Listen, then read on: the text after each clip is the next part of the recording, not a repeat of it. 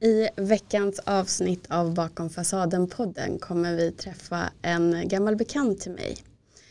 Och det här ska bli riktigt intressant. Hur kan det komma sig att man kan ha en bild av en person som sen visar sig vara helt annorlunda? Det är väl egentligen ganska vanligt. Jag tänker att man skapar sig ofta bilder av antaganden utifrån vilken person de visar. Men får man komma bakom fasaden så kan man också lära sig att det inte alltid är så som det ser ut.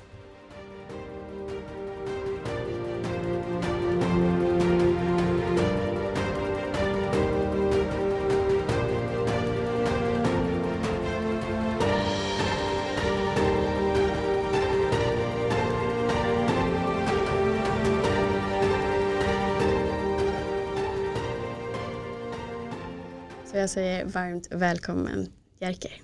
Tack. Hur känns det att vara här? Lite pirrigt faktiskt. Eh, väldigt sällan jag pratar om eh, mig själv Mm. på det sättet. Så det går runt i huvudet vad är det jag ska säga egentligen. Och så här. Jag försöker släppa det bara så får vi se vad som Ja. kommer ut. Jag brukar alltid säga så när folk undrar, ja, men vad har du för koncept och hur funkar det, ska du intervjua, vill du ha manus? Och då säger jag, nej men jag brukar bara tänka som att vi tar en kaffe och sitter och snackar. Och eh, är det någon man har känt sedan tidigare som det har varit några gånger så blir det ju ofta att man ska liksom catch up. Och det blir lite så i och med att vi umgicks egentligen varje gång jag gick ut för 20 år sedan. Ja. Ehm, och där hade jag en bild av dig och du hade säkerligen en bild av mig. Ja. Jag tänker om vi börjar med, vem var Helena 20 år eller 21 år i dina ögon? Eh, oj, vi kände ju inte varandra väl alls men du var ju en eh, trevlig och söt tjej som var som många andra då ute på krogen ganska ofta. Misstänker jag eftersom att det var där vi, där vi möttes. Eh, du kändes lugn och trygg. Eh, Förutom när jag blev arg på min pojkvän ja, och kastade vatten. ja, just det. Mm. Det hade jag nästan glömt. Var- Ja, nej men, men du var väl en av dem som eh, stannade och, och kunde prata. Och, alltså, trevlig tjej. Så. Mm. Jag var ju tillsammans med en av bartenderna, Mm. ska jag väl lägga till vad han jag blev arg på. Mm. Eh, han hade druckit lite för mycket någon kväll och tafsat på en annan tjej helt enkelt. Och då kastade jag vatten på honom när han kom ut från toaletten. Och då stod det där och så kom jag ihåg att du sa Helena, nu går vi iväg och pratar. Och så tog Ja. du in mig i köket och sa att om du är lugn nu så kommer jag låtsas att jag inte sett det här men annars så måste du gå hem. Ja, Så du tog det då väldigt bra. Och jag tror det är en del av varför jag hade den här bilden av dig. Ehm, du var, eller du är, några år äldre än mig. Mm. Eh, och du skilde dig ju ganska mycket från den här stereotypiska vakten. Du pluggade på KTH och du var väldigt lugn. Eh, samlad. Det var inte någon som brottade ner stökiga människor eh, som man ofta såg på den tiden. Så i mina ögon var ju du med den här snälla, lugna, trygga killen som hade full koll. Eh, och sen nu när vi har pratat 20 år senare så inser jag att det kanske inte var så. nej. Vad, hur, om jag skulle eh, låtsas att vi går tillbaka 20 år. Och vi verkligen skulle ha lärt känna varandra mer än så pass ytligt som vi gjorde. Mm. Vem hade jag träffat då?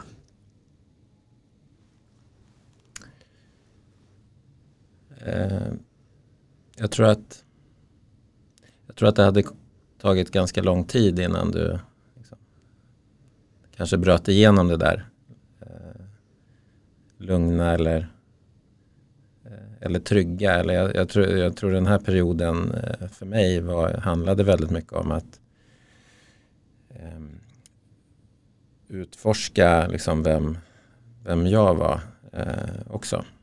Eh, och och liksom hitta mig själv i vissa, eh, i vissa perspektiv. Eh, så jag valde, valde ju att jobba som, eh, som ordningsvakt, eh, som, som dörrvakt då. Det fanns någon spänning i det som, var, som, jag, som triggade mig. Eh, och eh, jag höll på mycket med kampsport under den eh, tiden som, som, som också var en eh, någonting som eh, utvecklade mig eller fostrade mig på ett sätt som var, som var väldigt positivt. Det var liksom en, en, en, del av mig som jag inte hade som jag inte hade låtit eller tillåtit eller tillåtits eh, liksom släppa ut tidigare. Mm. Så skulle man kunna säga. Så att jag som du sa, så jag gick på KTH och skulle bli civilingenjör. Det var ganska mycket den här rösten i mitt huvud som jag, jag tror kommer från mina föräldrar från början. Att det, det är bra att ha en utbildning. För då kan man vara trygg med att man får ett jobb och så kan man, ja, då, då, då kan man vara trygg med att livet blir bra. Mm. Eh, men det fanns någon annan drivkraft där i mig som, eh, som kände att eh, ja, det, det, det, finns någonting mer som, som jag vill utöva. Så jag tog sommarjobb på, på fängelse till exempel medan mina kompisar eh, jobbade på Volvo eller eh, någon annanstans. Då. Så att, eh, men om jag ska svara på frågan vem du hade, vem du hade träffat så hade du eh, Alltså jag, jag var ju egentligen väldigt, väldigt eh, osäker. Och även i den här miljön eh, som kunde vara ganska, alltså på riktigt ganska farlig. Eh, när man, eh, när det blev bråk och, eh, och det var ju det var ett spännande möte som dörrvakt mellan akademiker, grovt kriminella eh, liksom, som och så massa småungar som var ute och bara ville festa och ha kul. Liksom. Mm. Att, eh, eh, men jag jobbade nog upp den här liksom, lugna fasaden. Jag var nog egent, egentligen så var jag nog väldigt avvaktande. Eh, så ganska analytisk i de situationerna som, eh, som var. Rädd för att sticka ut. Liksom. Eh, och ta för mycket plats kanske. Så att, eh, men på något sätt så var det också ett forum som jag, som jag trivdes i. För att jag kände att jag, jag hade jobbat mycket på min... Man säger, jag kände att jag hade, hade kontroll i de här liksom, fysiskt farliga situationerna. Eh, jag kommer ihåg att jag tänkte någon gång, eller har tänkt i de termerna, att det här med det, det känslomässiga eller liksom psykiska relationella. Där jag insåg att jag, var, att jag var svag och osäker på flera sätt. Men jag kommer ihåg att jag tänkte att nu tar jag tag i den här fysiska delen först. Så att jag liksom blir trygg. Så då började jag styrketräna. Började med kampsport. Eh, fick, eh, fick en inbjudan genom kampsporten egentligen att börja jobba som ordningsvakt. Eh, och så vidare. Det där hängde ihop lite i, i den världen som jag i de kretsarna som jag rörde mig. Ehm, och, och blev ganska trygg där så jag visste när jag behövde använda liksom, eh, hur mycket våld jag behövde använda i farliga situationer. Så, mm. För ibland var det ju rena extremt våldsamma situationer som man eh, fick slåss för livet egentligen. Ja, gud. Så man kan kanske säga då att i de situationerna som jag ändå såg dig som mest så var du ändå ganska trygg. Men om vi hade suttit och pratat om vem är du, hur mår du och, sen, och du hade liksom mer tvingats tänka inåt mm. så hade jag kanske upplevt att du hade varit lite annorlunda. Ja, jag hade nog mest eh, liksom stammat eller jag hade nog haft svårt att svara på frågan och nästan inte förstått mm. den. Eh, tror jag. Mm. Jag hade inte, det var lite senare i, i, i, livet som jag kom i kontakt med eh, liksom, det mer emotionella och, och fick, eh, fick kontakt med en terapeut och, och, och så vidare. Och innan det så hade jag jag hade egentligen aldrig pratat om känslor på det sättet eller eh, lite mer blockat det. Mm. Lärt mig att hålla i det, att inte visa så mycket. Så tror jag. Som många ja. män i vår ålder. Jag har förstått det senare. Mm. Jag, säga. jag mm. tror att jag har hört, eh, jag, jag, kan inte det här på djupet men jag, jag har ju hört eh, både i din podd och i andra samtal att man pratar om machokultur och, och så vidare. Och jag, jag, har inte riktigt förstått vad det betyder. Jag känner inte igen det riktigt. Och så här. Men om det betyder att killar inte ska visa så mycket känslor och liksom bita ihop och så vidare. Då känner jag ju verkligen igen mig i den, mm. eh, i den bilden. För det var ju väldigt skamfyllt. Liksom, om jag går tillbaka liksom, längre i tiden när jag var liten. Mm.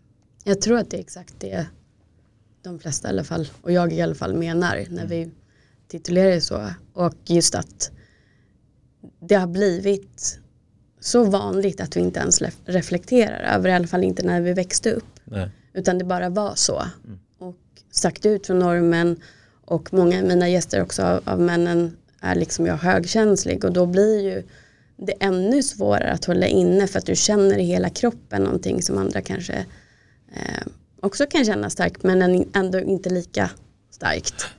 Och så får du lära dig då att det här är ingenting du visar och upp med hakan och killar gråter inte och sådana saker. Då blir det väldigt destruktivt för alla runt omkring. Mm. I och med att det är så många män som har lärt sig att trycka undan sina känslor. Mm. Särskilt då sorg och eh, ja, ilska har kommit ut genom ett aggressivt beteende istället. Och har man inte fått lära sig hur man uttrycker känslor på ett bra sätt också, att det bara är en känsla som kommer och går ganska fort och trycker undan, då lagras det också i kroppen. Mm. Eh, har du fått lära, att du, dig att du får vara arg, ja men då kanske då blir du ju en av de här killarna som du har träffat på krogen som slåss för att de vet inget annat sätt att få ut det. Nej. Det är ju inte alla som söker sig till kampsporten vilket jag också tycker är ett jättebra sätt att faktiskt få ut det på ett bra sätt. Mm. Um, och då blir det väldigt destruktivt och det följer ju många in i relationer som blir våldsamma och destruktiva. Mm. Så det blir ett samhällsproblem. Ja. Och där känner jag ändå att vi på något sätt genom att prata om det här och fler och fler faktiskt gör det ändå är någonstans på rätt väg. Mm. Mm. Ja, det är intressant. Intressant att reflektera över så här i, i efterhand tycker jag. Eh, när man tittar tillbaka på, på olika faser i, i, i livet. Mm. Vad som vad som var liksom känslomässigt som vad, vilket behov som fanns att uttrycka. Så, eh, så kan det så kan jag verkligen se det att hade man fått träna på det eh, försöka sätta ord på det här för, för jag tycker fortfarande det är svårt ibland att sätta, eh, sätta ord på, på känslor och emotioner som, som dyker upp och var kom det här ifrån och, mm. och som vi pratade lite tidigare här att ja, men det, man inser ofta att det, där finns någon form av mönster eller trigger från väldigt tidigt. Eh, men jag har haft väldigt svårt också att minnas exakt. Och det är väl kanske egentligen inte poängen att man måste minnas. Men bara att förstå att det här är, ett, det här är en trigger. Mm. Som egentligen inte har med den här situationen att göra. Det kan ju vara hjälpsamt. Att man bara kan labla det eh, på något sätt. Mm. Så här. Ja, men jag fattar att det här, det här, det här kommer någon annanstans ifrån. Mm. Så, och så kan man försöka utforska det därifrån. Ja, det blir ju så som vi pratade om det innan att när du är liten och kanske är någon som skriker på dig till exempel då upplever det som ett jättestort hot. Ja. Um, och det kan ju vara så att om du då blir rädd för konflikter och allt, ja, blir konflikträdd helt enkelt så kanske blir undvikande i eh, din anknytning eh, som ett exempel och sen går du in i en kärleksrelation och kan inte ta konflikter. Utan ditt sätt att skydda relationen blir att undvika den. Mm. Eh, för att du kan inte se att en konflikt kan vara utvecklande och att ni kan faktiskt komma varandra närmre. Nej. Utan du tror att konflikt, likhetstecken, uppbrott. Mm. Och då blir egentligen jobbet man gör är att gå tillbaka och lära om.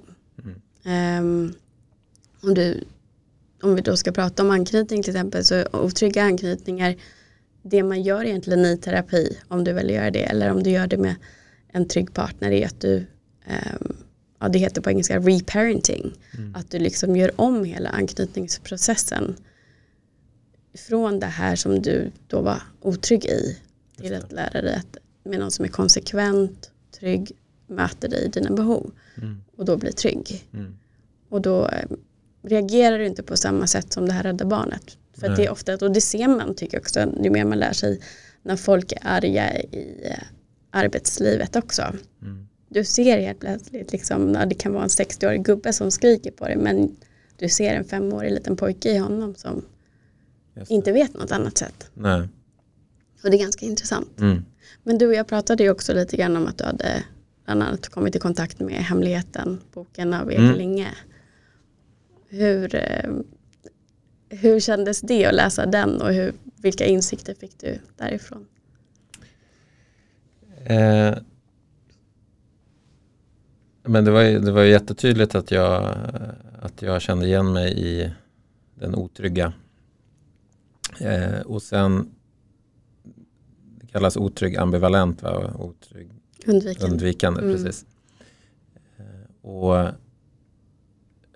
jag var lite osäker, det är olika situationer som jag kan vara i de där olika ehm, i de olika kategorierna kände jag. Så det var, det var inte så här spot on. Men eh, jag och min fru läste ju den här boken eh, egentligen tillsammans. Eller samtidigt, inte tillsammans men, men samtidigt. Mm. Eh, så, det var ganska intressant att, att se, se våra mönster i det där då, tycker jag.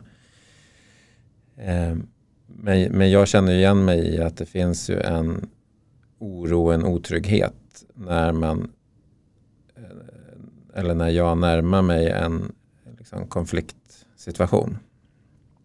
Eh, så, så, så, så det finns en sån eh, liksom, trigger som, som ligger nära. Och det är egentligen oron för konflikten. När det väl är en öppen konflikt. Liksom, då, då upplever jag att jag, om jag jämför idag då med, med liksom, ett antal år tillbaka, så, så upplever jag att jag har gjort en resa i att liksom, lära mig att sortera och ta mig igenom och, och, och, och sådär. Ehm, men det finns, finns ju fortfarande en, ehm, en känslighet. Ehm, jag är, som det beskrivs då, en riktigt trygg, trygg anknytning där man, man vet att det löser sig och, och, så vidare. Där, eh, det är fortfarande en resa Mm. att ta sig dit. Mm. Men så är det. Och det, det som jag tycker saknas i den boken som de tar upp i en, en annan bok är ju en eh, fjärde anknytning. Mm. Och den eh, heter Desorganiserad. Och där har jag fått störst poäng när jag gör test. Mm. Ehm, tidigare, nu har jag inte gjort det på väldigt länge. Och den eh, anknytningen hamnar man ofta i ehm, om du är uppväxt med en, en förälder eller omsorgsperson ska jag säga. För det kan ju vara en fosterförälder, teamförälder, en moster, mormor, någon som tar hand om dig som inte är din förälder. Ehm, som kanske har ett missbruk, Mm. en psykisk sjukdom eller en vanlig sjukdom som cancer till exempel. Som inte har möjlighet att möta dina behov alls. Ehm, då hamnar du liksom lite mitt emellan. Du kan vara, ja, som du säger då, i vissa fall ambivalent och i vissa fall undvikande. Mm. Och det märker jag till exempel att jag kan uppleva att men jag har jagat efter eh, kärleken. Fast egentligen så har jag gjort allt för att undvika det. Mm. Och det kommer jag fram till när jag började läsa om den här anknytningen. Mm. Och det som är lite missvisande tycker jag är att du behöver inte ha fått den i tidiga år.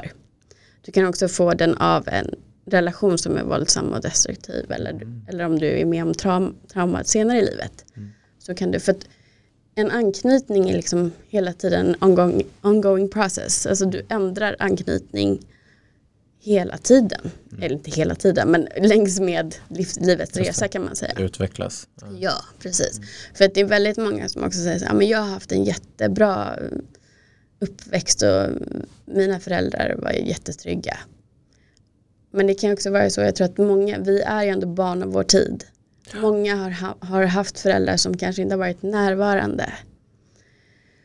Eh, av olika anledningar. Det kan också vara det är många pappor som har jobbat väldigt mycket och kanske inte har varit engagerade känslomässigt.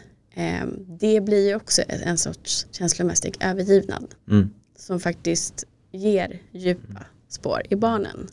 Det skapar också en otrygg mm. anknytning. Mm. Har du någon som inte mår bra och finns där för dig ibland men inte alltid, ja men då blir det en ambivalens. Uh.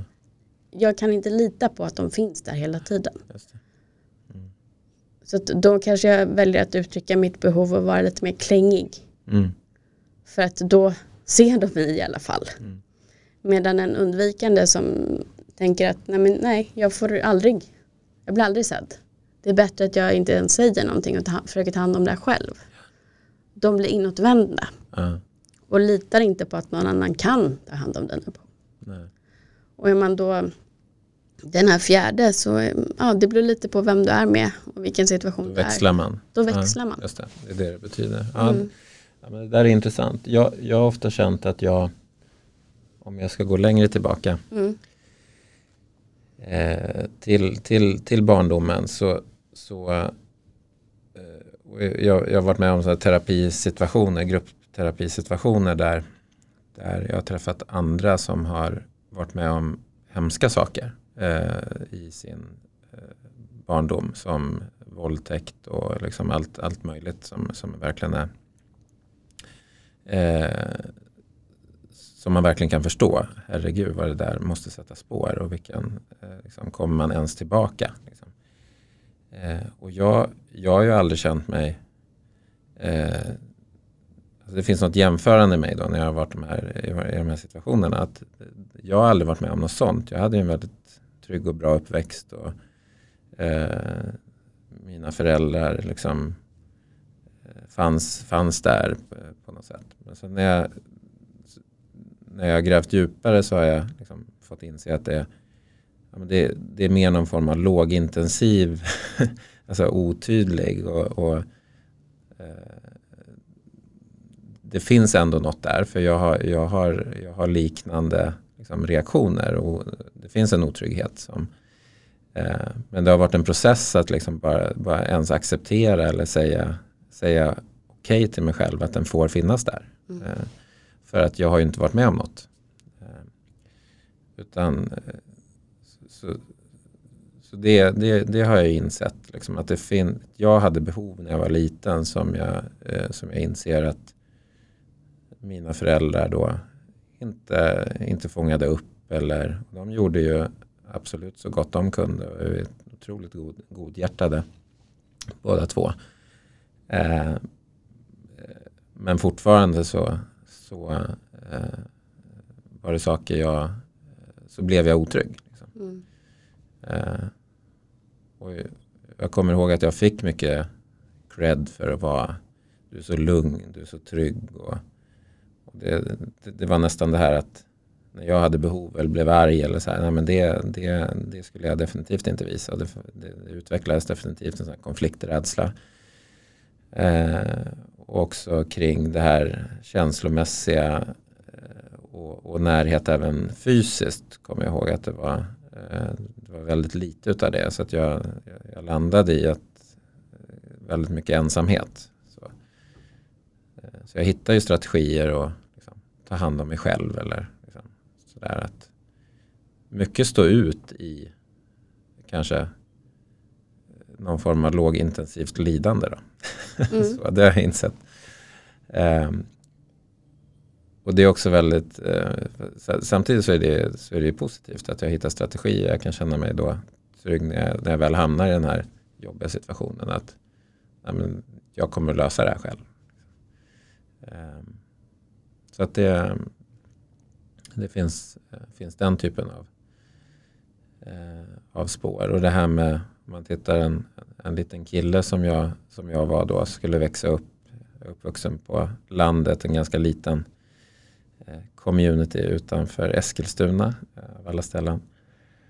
Ehm, eh, så ja, det var inte så många människor där så det var liksom, satte sig ganska tidigt, tidigt i mina unga år kommer jag ihåg liksom de här hierarkierna och, och, och, statusen mellan, mellan grabbarna i skolan till exempel. Och, och, så där. och jag, eh, jag upplever att jag fick eh,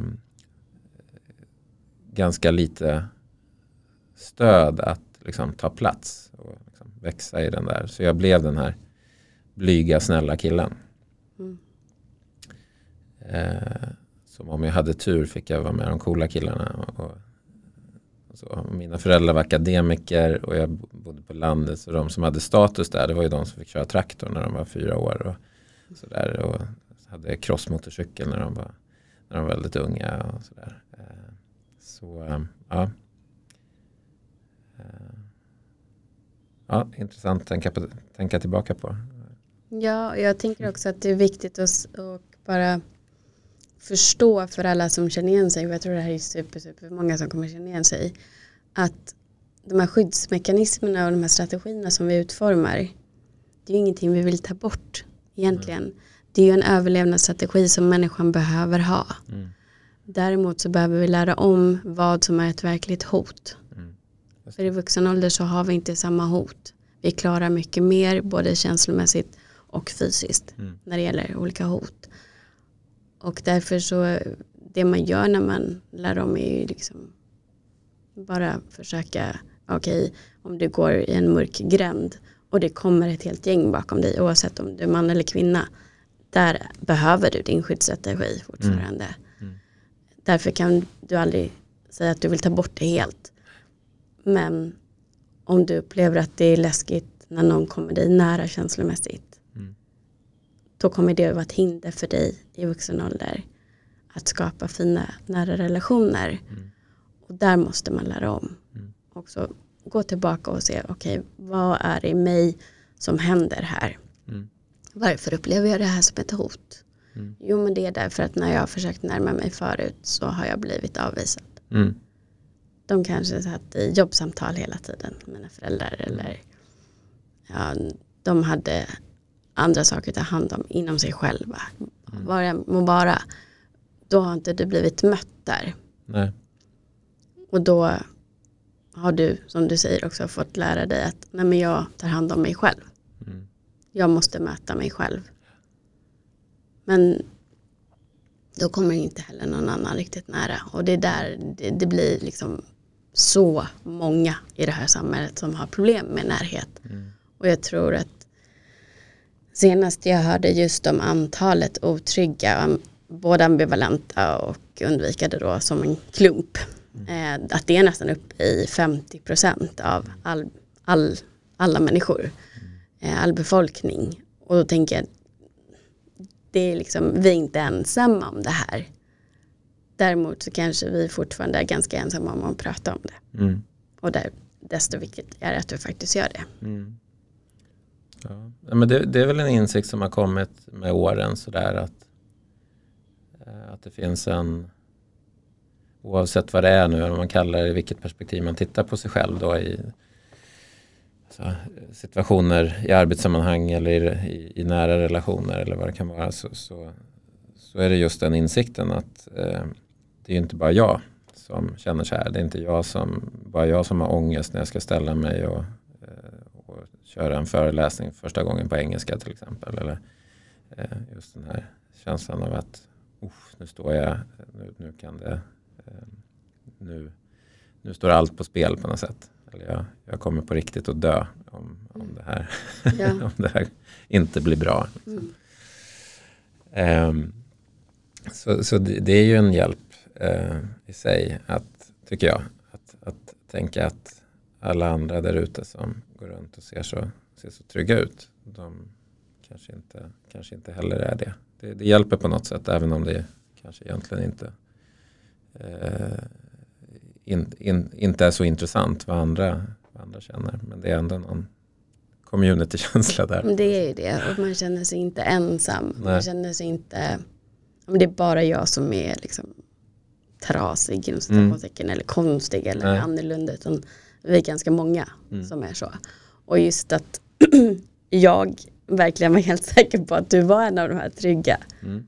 som inte hade problem att prata inför folk och du hade liksom, trygga relationer och ja, Mm. bara att du sitter och berättar det här gör ju också att man, eller jag eh, har blivit väldigt nyfiken på just hur, hur vi uppfattar varandra Ja. som människor.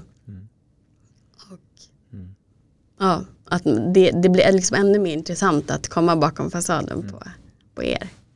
Ja, intressant. Jag, jag, jag jobbade nog väldigt, väldigt hårt. Alltså, utan att vara medveten om det. Då, på den här fasaden då. För fasaden skulle ju fungera som dels ett skydd som du säger. Men, men mycket handlade ju om att bli, kanske bli bekräftad och eh, bli accepterad. Så, så att, så att jag, jag, jag jag har ju, jag vet inte, jag, jag har bara hört om det här med högkänslighet och så vidare. Jag har ingen aning, jag, jag har inte gjort något test eller jag vet inte om det, eh, om det, om, om det gäller mig. Men, men jag har ju jag har mycket tentakler ute i, eh, i relationer. Eh, och känner av väldigt mycket liksom vad, vad det är för stämning. Eh, och så är jag i det här då väldigt, väldigt mån om att stämningen ska vara bra. Eh, och det här, det här tror jag, liksom, det här finns verkligen långt tillbaka i mamma och pappa eh, relationen och framförallt kopplat till mamma tror jag. Eh, att jag, jag kände in väldigt mycket vilken sinnesstämning som, som hon var i och så försökte jag anpassa och, och så vidare. Och det har jag tagit med mig eh, tidigare. Vilket är väldigt kraftfullt i, i liksom en, eh, en, en situation med, med en annan person. Att jag kan, jag kan ju kommunicera och vrida och vända och, och, och liksom, liksom matcha mitt, eh, vad, vad, jag, vad jag säger eller vad jag uttrycker. Mycket utifrån vad jag, eh, vad jag gissar att den här personen vill höra eller behöver höra. Så. Du känner in när du träffar någon vilken, vilket humör de är på, Ja. sin stämning. Mm. Ja. Och jag, jag, jag, jag är bra på att vara närvarande. Jag kan definitivt inte vara närvarande också. Men, men är jag närvarande så kan jag vara inkännande. Och, och lyssna av mönster och, och, och så vidare i en, i, i en dialog när jag kommunicerar. Så jag kan ju liksom känna in vad någon annan behöver i ett coachande samtal till exempel. Ehm, så, så jag tror den förmågan har ju, har ju utvecklats. Däremot så är jag ju, har jag insett att jag, jag, jag har väldigt svårt att ringa in vad mina egna eh, behov är och, vad, och uttrycka dem eller, eller sätta ord på. Ehm, både på vad jag vill och vad jag behöver.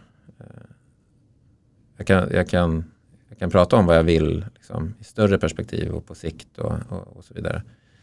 Eh, men att, att ringa in det i den faktiska stunden eller i nuet eller så här, det här behöver faktiskt jag. Eh, och det är väl lite det här med självvärde eller självkänslan eh, där tror jag. Som, eh, som är ett område där har haft väldigt svårt för det begreppet överhuvudtaget. Jag har liksom inte riktigt förstått det. Ja, men självförtroende fattar jag ju. Att, att det, om jag är bra på någonting, jag har jobbat ett antal år nu med, eh, med vissa saker och då känner jag mig ganska trygg.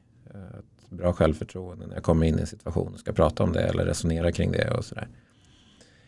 Eh, men det här med självkänsla eller självvärde eller så här, vad, vad, vad är det egentligen? För jag tycker ju någonstans att mitt värde utgörs av vad jag kan leverera och prestera eller vad jag kan eh, det, är en, liksom, det, det finns där, jag förstår inte riktigt vad det andra är men, men om jag uttrycker det som att jag har ett behov av att sova annars kan inte jag vara i balans och vara, liksom, vara varken bra för mig själv eller bra för andra. Då, då blir ju det mer att om jag kan hitta det behovet och stötta mig själv i och, eller uttrycka att jag behöver sätta en gräns för, för det till exempel. Då kan det vara en, ett exempel på det här med att bygga självkänsla då. Att, ja, men nu satte jag en gräns bara för min skull för det var ett behov som jag faktiskt hade. Mm. Men, men, men, det där är liksom abstrakt och diffust eh, för mig. Liksom hela, den, hela, det, hela det området. Och det, jag har haft den här liksom blyg, så fort jag hamnar i en ganska man ska säga, känslomässigt eh, eller socialt naken situation jag inte har min yrkesroll. Liksom, att jag inte har den, vad man kallar det för fasaden. Eller den, den, men den rollen, rollen med mig in i en situation. Om jag ska hålla tal till exempel.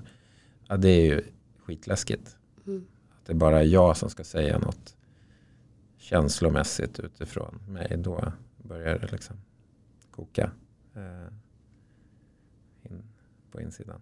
Jag tror att man måste öva. Mm. För det är samma Absolut. sak om, om du, det, det du har gjort när du har byggt upp din verksamhet och det du har gjort i yrkeslivet. Det är, du har blivit bra därför att du har gjort det så många gånger. Om och om igen. Och det är samma sak när man inte vet hur man känner efter vilka ens behov är och hur man uttrycker dem, hur man sätter gränser. Det, jag, jag förstår precis vad du menar. Alltså det är någonting som jag har jobbat med också mm. jättemycket, särskilt senaste året som jag tyckte var i början otroligt skrämmande.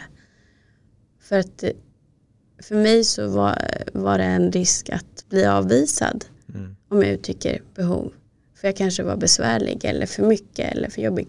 För jag hade fått lära mig i en tidigare relation att mina behov var inte viktiga. Och jag var jobbig och uh, uttrycka mina behov då blir jag ignorerad. Mm. I stort sett. Det var det han lärde mig. Och det är 15 år sedan men det är någonting jag jobbar med nu för att det är nu det har kommit upp till ytan och jag har förstått det. Samtidigt så förstår jag att en, en hälsosam relation där kommer min partner behöva att jag sätter gränser mm. och att jag uttrycker mitt behov. För han kan inte läsa mina tankar Nej. och jag kan inte läsa hans. Och vi måste kunna kommunicera. Mm. Så därför måste jag våga se den rädslan i, i vita ögat och faktiskt gå emot den. Mm. Och öva och göra det med någon som jag känner mig trygg med om och om, om igen. Och det har jag gjort också med mina vänner. Och där tycker jag ändå att jag kommit in i en bra mm. vana. Men det har tagit, alltså bara det, mm. ett år. Mm.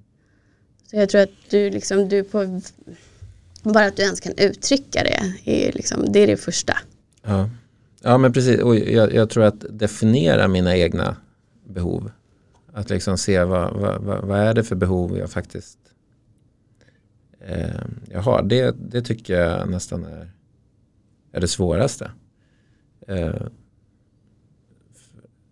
för sen om, man, om, man kommer, om, om jag kommer till en situation där, där jag känner att det, det är någonting som är skevt här eller det, det är en obalans. Jag måste sätta en gräns och jag liksom ser vad det är. Det här behöver jag få säga eller det här behöver jag få uttrycka eller det här behöver jag göra.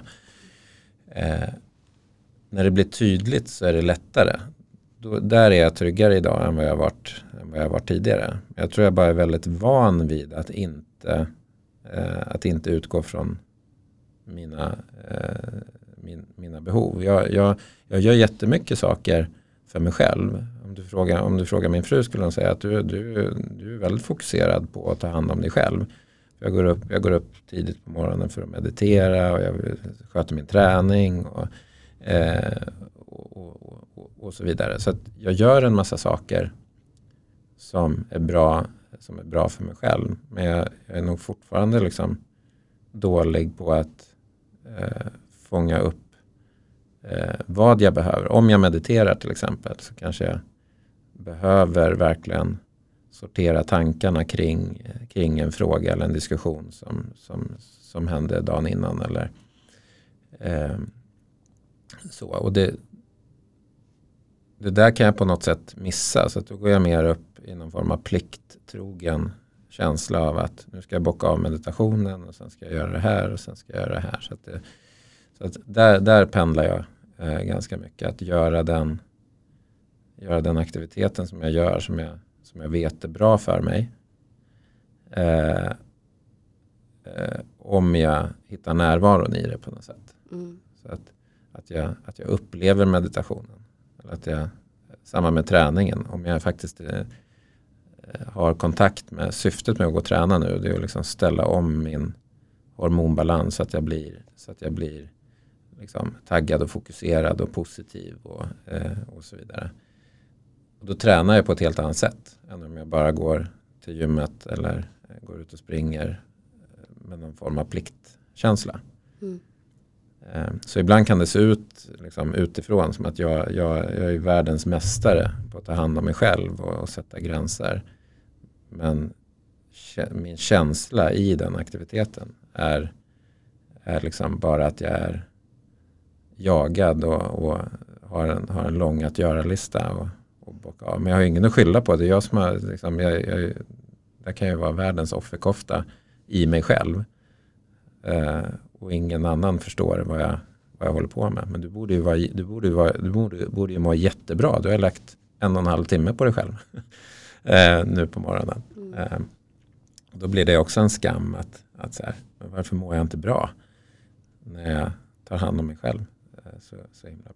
Så, så där, där finns det någon sån här behovskoppling. Eh, att känna, känna in vad jag själv behöver. För jag tror att det själv, ibland skulle jag eh, faktiskt behöva sova istället för att och då kan ju min fru säga så här, men du, så här, ska du inte ta sovmorgon imorgon? Så här, och då blir det på något sätt, jo men det kanske jag ska göra. Så där kan jag liksom få hjälp och bli inputtad i, i liksom, att testa något annat. Mm.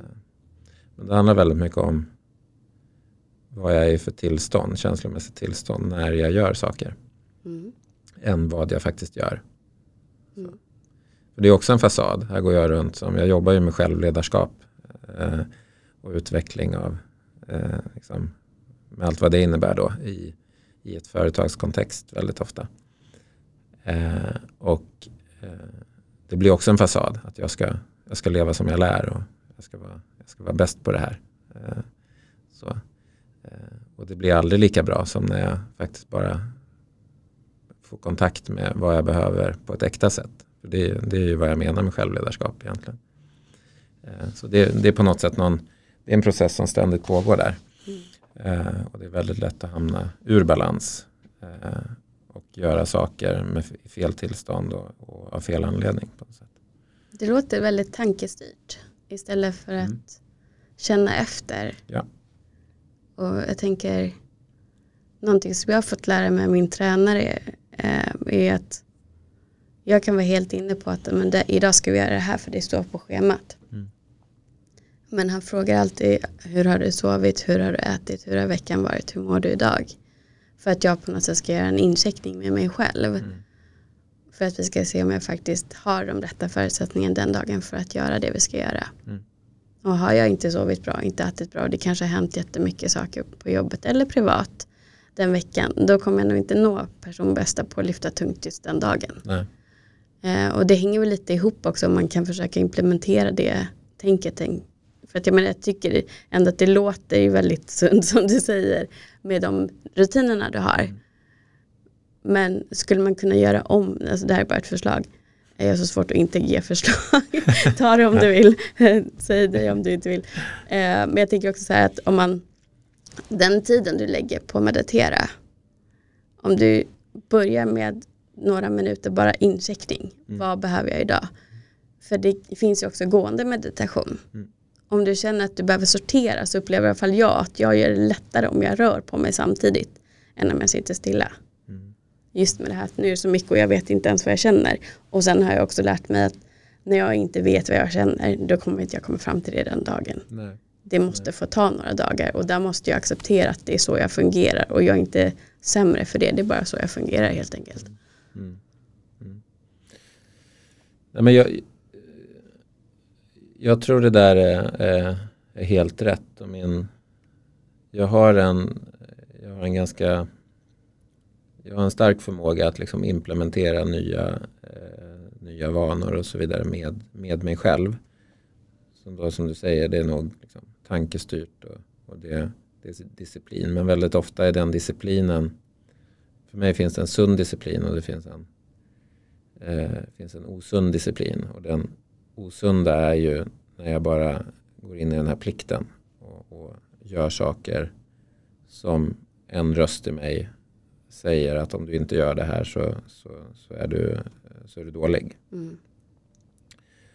Eh, men om jag kan gå in i känslan av att jag gör det här för att jag ska må så bra som möjligt för då kan jag också vara den bästa jag när jag möter min familj när de vaknar och eh, när jag kommer till jobbet och då kan jag vara närvarande. Då, då är disciplinen väldigt positiv. Mm. Så. Mm. Och det är liksom den, den det tillståndet eh, som jag, det, är, det är det jag tränar på att försöka få, få kontakt med. Och då är det väldigt bra, för mig är det väldigt bra att ha en ram då att röra mig inom. Att jag har en stund på morgonen som jag kan använda. Eh, och det är som du säger, det, ibland växlar jag med, med liksom olika typer av, eh, ibland yogar jag, ibland, eh, ibland mediterar jag och sådär. Eh, men det är verkligen när, när den här insikten kommer, att jag någonstans i den här processen eh, för jag har insett att jag ibland behöver tid här. Ibland kommer poletten att trilla ner. Att bara, eh, just det, det är ju det här jag sitter och tänker på. Det är det här jag har fastnat i nu. Och det inser inte jag direkt där från början. Jag behöver den där stunden för mig själv. Eh, men det kan ju vara i, i olika typer av liksom, aktiviteter då. Mm. Men jag tror att jag har en ganska stark sån här introvert sida som där jag, där jag insett att jag, jag, jag behöver tid. Jag har ett ganska stort, liksom, stort inre eller det är mycket som pågår där som jag i tidiga år inte alls utforskade eller fick hjälp att ha kontakt med. Det var ju inte, som du sa, ett barn av vår tid. Det är ju inte, vi pratar ju aldrig om något sånt då. Så att där, fanns det, där finns det där finns det mycket liksom för, mig att, för mig att utforska. Eh, och jag mår bra i ensamhet eh, när, när den är självvald på det sättet. Så jag, jag behöver verkligen den där eh, den tiden. Mm. Ja, jag känner igen mig det. Jag tycker det är väldigt viktigt det du sa, jag vill bara highlighta det lite grann just att man kan faktiskt göra om det här eh, när det ändå är en vana som får dig att må bra Mm. till att om du tvekar på att gå till gymmet till exempel, nu tänker jag på lyssnarna, om det är någonting i dig som säger så här, om du inte går dit då får du inte äta det här nu eller då är du inte bra eller någonting som egentligen drar med sig skuld och skam. Mm. Att göra just som du sa, att man egentligen tänker så här, fast om jag går dit så kommer jag bli piggare, jag kommer känna mig gladare, Mm. Jag kommer få den här lilla endorfinruschen eller dopamin och allt det här. Och nej, det kanske inte gör någon jättestor skillnad om jag inte går för kroppen på det sättet att du, om du till exempel vill gå ner i vikt, om, om du går istället imorgon, men det kommer göra så stor skillnad för sinnet Mm. och du kommer må bättre. Mm. Om man då skiftar liksom fokus till att vad du kommer få för belöning om du går dit istället för bestraffning om du inte går dit. Ja. Lär, lära om Just sitt det. mindset där. Det tycker jag var jättebra att du sa. Mm. Jag, lär, jag lärde mig från, eh, för några år sedan, eh, eller lärde mig, jag hörde, jag fick information om det och sen håller jag fortfarande på att lära mig. Men att om man kan se sig själv eh, utifrån och, och tänka att om jag vore min absolut bästa kompis eh, eller till och med min egen förälder, eh, hur skulle jag eh, hur skulle jag stötta mig själv? Eh, I den här situationen då. Skulle jag, skulle jag pusha iväg mig, för jag kanske behöver en push, gå till gymmet nu för du, du, liksom, för, för, för du är lat. Eh, alltså det finns något kärleksfullt i det också. Mm. Men att det liksom kommer med den här självkärleken. Så, och det kan vara nästan lättare att tänka sig själv eh, utifrån där. Det visar sig, jag hörde, att man, man, tar, man tar bättre hand om sina, sina husdjur än om sig själv. Eh, så, generellt. Och det, det, det kan verkligen stämma eh, i, eh, i mitt fall. Så det där det är något att liksom ständigt träna på. För det finns, en, finns, en, finns något väldigt fint, tycker jag, med disciplin. Att, så här, att underordna mig en struktur. På på något sätt. Att nu, nu bestämmer jag att jag ska göra det här. För jag vet att om jag gör det här med eh, liksom, närvaro och, och, och, och liksom, om jag ger mig in i det här och kommer ut på andra sidan då, då, då kommer det att ha hänt saker som är, som är liksom troligtvis positiva eller i alla fall spännande. Mm. Eh, så det, det, finns inget så här självuppoffrande för mig om, om jag är disciplinerad på rätt sätt. Mm. Men om jag är det på fel sätt så är det bara självuppoffrande och lidande och jag blir bara mer och mer någon form av liksom, offer. Kommer mer in i liksom, offerkänslor. Mm. Här går jag runt och kämpar så mycket men ingen förstår mig och, och jag mår bara sämre och sämre. Eller, ja. Jag kan inte känna rätt känslor till det här. Jag borde vara tacksam men det känner jag inte. till exempel. Mm. ja men jättebra. Alltså, jag tycker verkligen att det är värdefulla ord. Jag tänker också, jag blir lite nyfiken på hur du har sett på att gå i terapi. Mm. Vad har det gett Eh, men jag kom i kontakt med terapi första gången 2006-2007 någonstans där. Och det, var när, det var i samband när jag träffade min, eh, min fru Sara. Eh, Sara har två barn sedan tidigare. Eh, och eh, vi har ett gemensamt eh, nu då, så vi har, vi har tre, tre, tre, tre barn eh, tillsammans. Och um, det var väl när jag, när jag kom i kontakt med terapi, det, det här var en helt fantastisk terapeut som sen slutade eh, med terapi. Det, det, var en kvinna som, var, som, som är, ska jag säga, otroligt inkännande. Så eh, jag kände ju när jag hamnade i den situationen att alltså, hon för, det, det, är ingen idé att liksom, försöka hålla uppe någon form av fasad eller liksom, förklara, liksom, sätta ord på någonting här. Utan det, det, hon ser rakt igenom. Hon, hon hade en sån förmåga som på mig då, som min ingenjörshjärna får ju tilt där att det här, det här går inte att bevisa. Eh, men, men otroligt emotionellt liksom kopplad och kunde känna in saker på, på distans till och med. Mm. Eh, så. så. det, var nog, det var nog tufft för henne att ha så mycket eh, ha, ha, så mycket uppkoppling mot, mot andra. Mm. Eh, men det var, det var fantastiskt värdefullt för det var, det var första gången som jag kände att eh, det är faktiskt okej okay att liksom känna saker. Och känna saker som inte är då som jag inte riktigt vågar stå för. Det är bara känslor. Liksom. Eller det, är bara, um, det var på olika sätt en stormig period när, när, när jag och Sara träffades också. Och, och, och, även Sara öppnade upp den. Vi gick till samma terapeut. Eh, den här, liksom, att det fanns en okejness på något sätt. Att, att, eh, att, att, eh, att känna saker. Jag hade på något sätt jobbat med så hårt att stänga av det där och, och liksom trycka tillbaka. Kom ihåg det, så här, men käns känslor det där, det, det, är bara skit. Jag liksom trycker undan det och så jobbar jag på min liksom, fysiska eh, liksom, trygghet och liksom, hela den eh, utifrån det perspektivet. Eh, och det är jag inte helt ensam om, om har, har jag insett liksom, senare. Men, men då, då, då kände jag det. Så, att, så terapi har ju varit en sån här det är ju, det är ju där, det är, det är en stor del av eh, mitt, eh, mitt liv som har på något sätt eh, kommit på plats. Mm. Genom att förstå mig själv eh, utifrån ett sånt, sånt perspektiv också.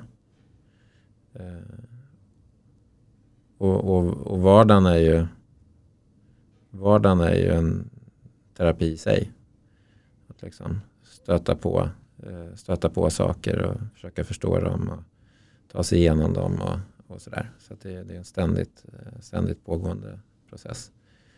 Så nu har jag gjort så här i min, i min värld i alla fall extremt eh, då läskiga saker, alltså grupp, gruppterapeutiska ehm, eh, grejer som, som eh, där jag där i vissa, vissa situationer var så rädd så att jag verkligen bara ville fly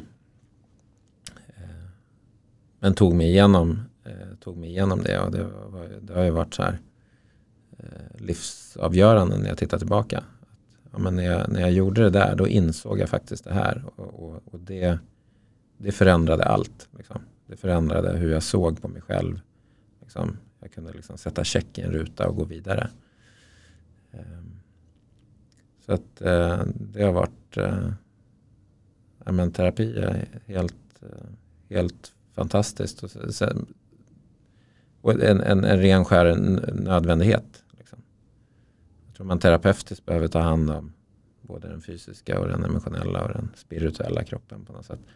Eh, sen får man inte fastna i terapi, eller man får inte. Jag, jag känner att jag, det finns en risk att jag, eh, jag kan fastna i det terapeutiska.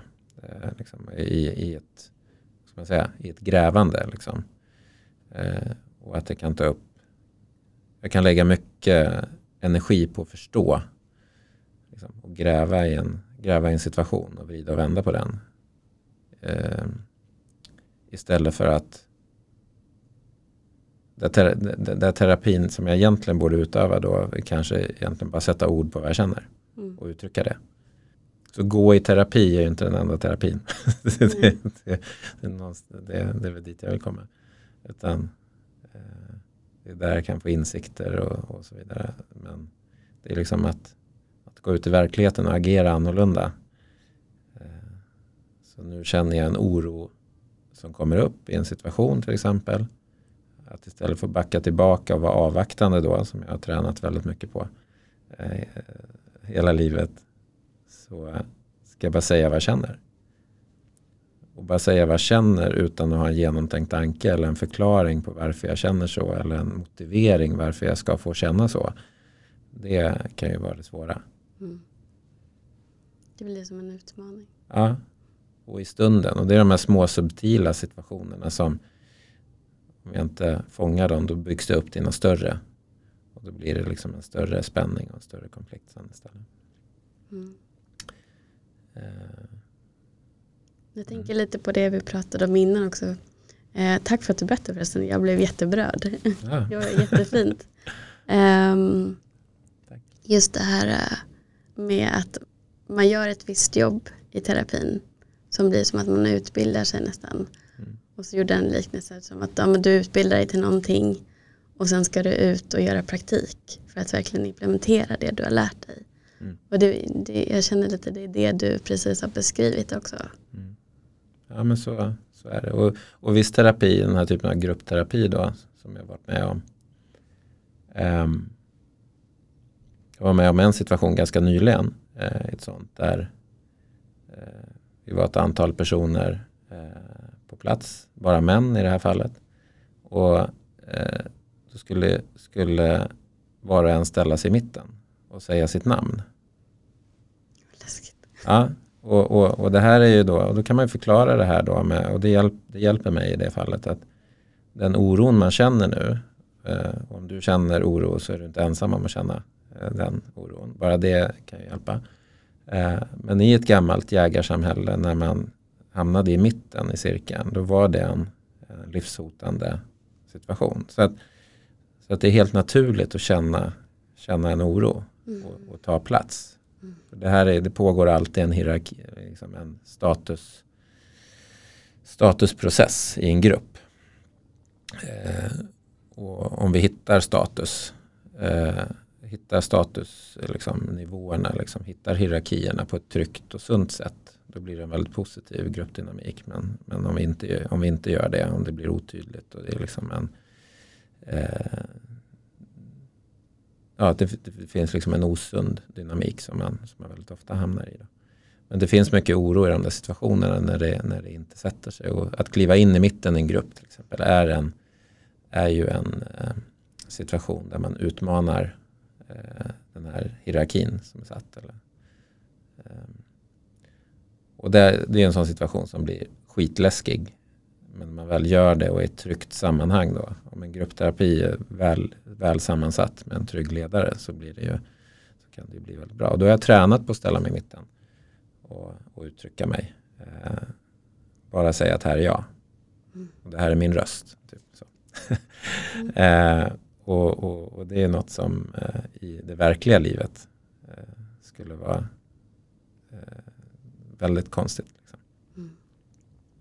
Spännande, det hade jag ingen aning om. Men nu känns det faktiskt bättre för jag tycker att sånt där låter jätteläskigt. Och ja. just gruppterapi för mig känns otroligt utmanande. Det ja. känns långt borta. Ja. Just av den anledningen tror jag. Att jag känner att man blir liksom lite så här utsatt eller utpekad. Och jag vet att när bara jag sitter i ett nytt, eh, till exempel jag var inbjuden till en, eh, ett nätverk som heter Swedish Love Professionals. Mm. För oss som eh, poddar eller jobbar som parterapeuter eller sådana saker. Eh, otrolig ära att ens få bli tillfrågad tyckte jag. Mm. Så jag var ju lite nervös när jag gick dit och så satt vi just liksom i liknande, inte riktigt men ungefär som en ring och skulle då prata utifrån Hej, jag heter Helena, jag på engelska också. Mm. Eh, även om jag är bekväm med det men så blir det lite så jag är inte helt van vid det längre. Nej. Och skulle jag sitta och berätta, ja jag driver bakom fasaden-podden, vi pratar om det och det. Eh, min mission med det är det och det och jag önskar det här från det här nätverket. Alltså mitt hjärta slog så ja. jag tänkte att du ser ju folk hur det slår. Så, och då är jag ändå ganska van att prata inför folk. Ja. ja men jag känner igen mig jättemycket i det där. Var, varje gång jag bara ska presentera mig, man går en utbildning eller någonting för mm. nya, för nya människor så är det ju det, det, det, är jag som blir exponerad. Ja, exakt. Och, och, och det, det, det triggar mig och det är väl den här liksom, självkänslan och självvärdet kopplar jag det till. Att den, ehm, eh, den eh, finns inte riktigt där. Men om jag ställer mig, om jag blir inbjuden som föreläsare kring det jag jobbar med numera idag när jag, när jag är mer trygg med det. Jag är, inte, jag är, jag är betydligt mer trygg där. Då, då kan jag komma dit med ett mindset att ja, men alla här behöver höra vad jag har att säga. Mm. För jag vet att det här är viktigt. Men då pratar jag om det, inte om inte om mig. Sen finns det kopplingar mellan det här med det jag jobbar med och min egna, min egna utveckling. Som jag, men de kan jag mer smyga fram i det. Jag blir inte exponerad på samma sätt. Men jag förstår verkligen det där att eh, för mig också att prata, prata engelska i, i situationer i liksom, eh, framförallt business-sammanhang. Man kommer in där tror jag också direkt att alla andra är hur trygga som helst och det är bara jag som är, är orolig här och jag kan ju inte, jag kan inte gå en engelska kurs för att säkra, säkra att det ska bli bra utan det är bara att köra. Mm. Eh, men det är alltid så att alla de här situationerna är väldigt lärande i, i efterhand. Eller har varit för mig i alla fall. Mm.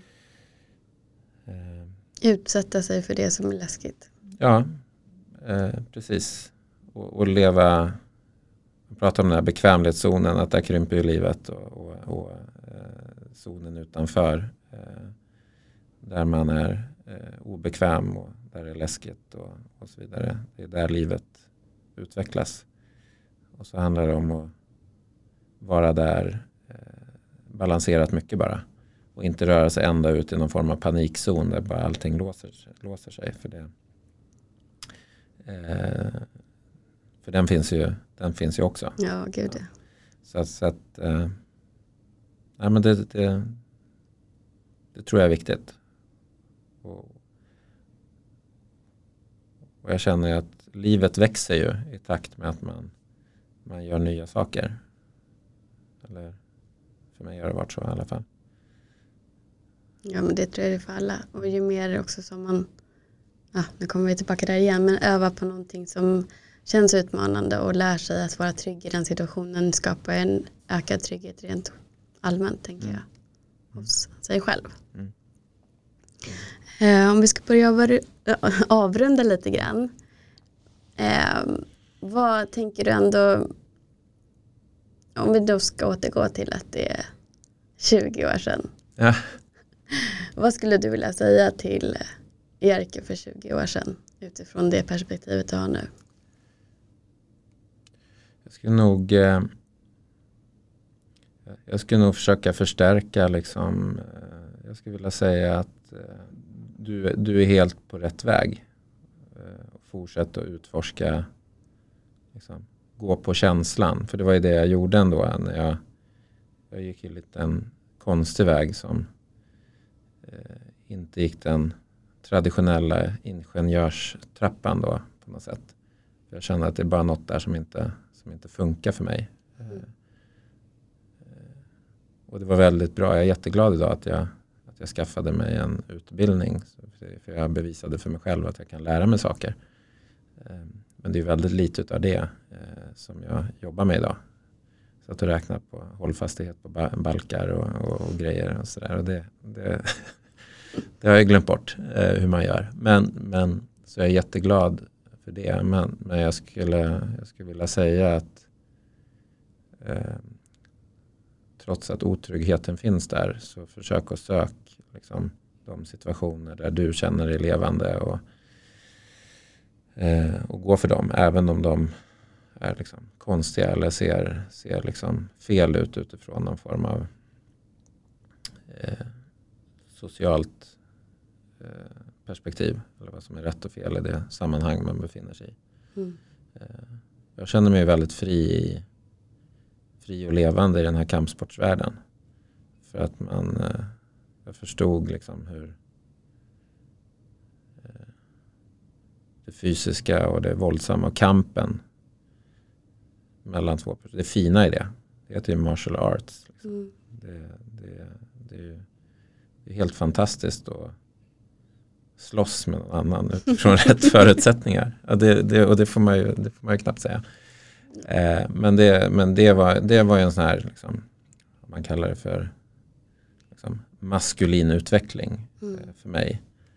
Eh, som jag hade noll stöd i någon annanstans ifrån. Så där fick jag utforska, utforska själv. Mm. Eh, men oj vad levande eh, jag blev. Det här med fysisk smärta och lite blåmärken och sådär. Det är ju det är inte skadligt. Det läker ju liksom. Eh, det som är skadligt är ju inte liksom, släppa fram det. Mm. Tror jag. Hålla tillbaka. Mm. Ja, och lite blåmärken på hjärtan. Det är bara blåmärken också. Ja, och det är ett bra sätt att se det tror jag. Mm. Eh, att det, det, är också någonting som läker. Bara, bara man får lite, på med lite vad heter det, ormsalva eller tigerbalsam. eller. lite liniment. ja, så, så, så, så, läker det ut. Liksom. Ja. Mm. ja, vad fint. Tack så jättemycket för att du var här idag. Tack för att jag fick komma. Spännande. Och eh, till dig som har lyssnat, jag hoppas att du precis som jag tar med er alla kloka ord som Jerker har delat med oss idag. Och eh, om du känner igen dig i hans historia som man så ta med dig det. Förstå att du inte är ensam, för det är du inte. Och eh, jag ser er bakom fasaden. Tills vi hörs igen, ta hand om dig.